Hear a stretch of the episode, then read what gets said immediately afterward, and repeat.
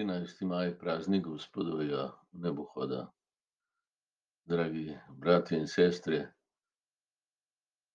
Danes je praznik, ko se Jezus umakne izpred oči učencev in ga kot človeka ne morejo več videti. Vnebohod pa pomeni, da je sedaj navzoč v nas in po nas, ki smo, njegovo telo, njegovo telo, ostalo telo na tem svetu. To smo sedaj mi. Njega ne moremo več videti tako kot zgodovinsko osebo, ampak, ga srečujemo v bratih in sestrah v cerkvi. Mi smo po krsti njegovo telo. Tisti, ki nas tako ljubi, da se nam je popolnoma izročil. In mi lahko sedaj drugim, v zgodovini posredujemo očetovo ljubezen, kar človeška narava sama po sebi ne more. Če računamo, da je to individualna substanca racionalne narave, kot je definiral Bojci, torej posameznik. Posameznik, v naravi posameznika ni, da se daruje za druge, ni, da bolj ljubi drugega kot samega sebe. v naravi posameznika ni, da je ljubeč, ampak da poskrbi zase, da je sebičen. No, in Jezusov nebohod pomeni, da je sedaj on navzoč v tistih, ki, za katere je dal življenje, ki jih ljubi brezpogojno. Jim je podaril očetovo ljubezen. To smo mi, to je cerkev. Zato zdaj vedno, ko smo pri maši, doživljamo vnebohod. Pravi, Jezus nas bere v očetovi ljubezni že onkraj smrti.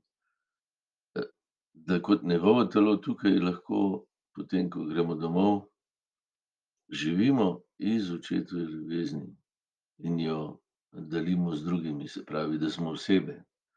Da nič več ne živimo iz principa posameznosti, jaz, ki moram rešiti svojo kožo, ampak, živimo, da smo vsi v očetovi ljubezni bratje in sestre in da lahko drug drugemu podarjamo očetovo ljubezen, ki je pa tukaj in zdaj in za vedno. Iz njegove navzočnosti. Ostali pa kaže, da je Bog v nas in mi v njem.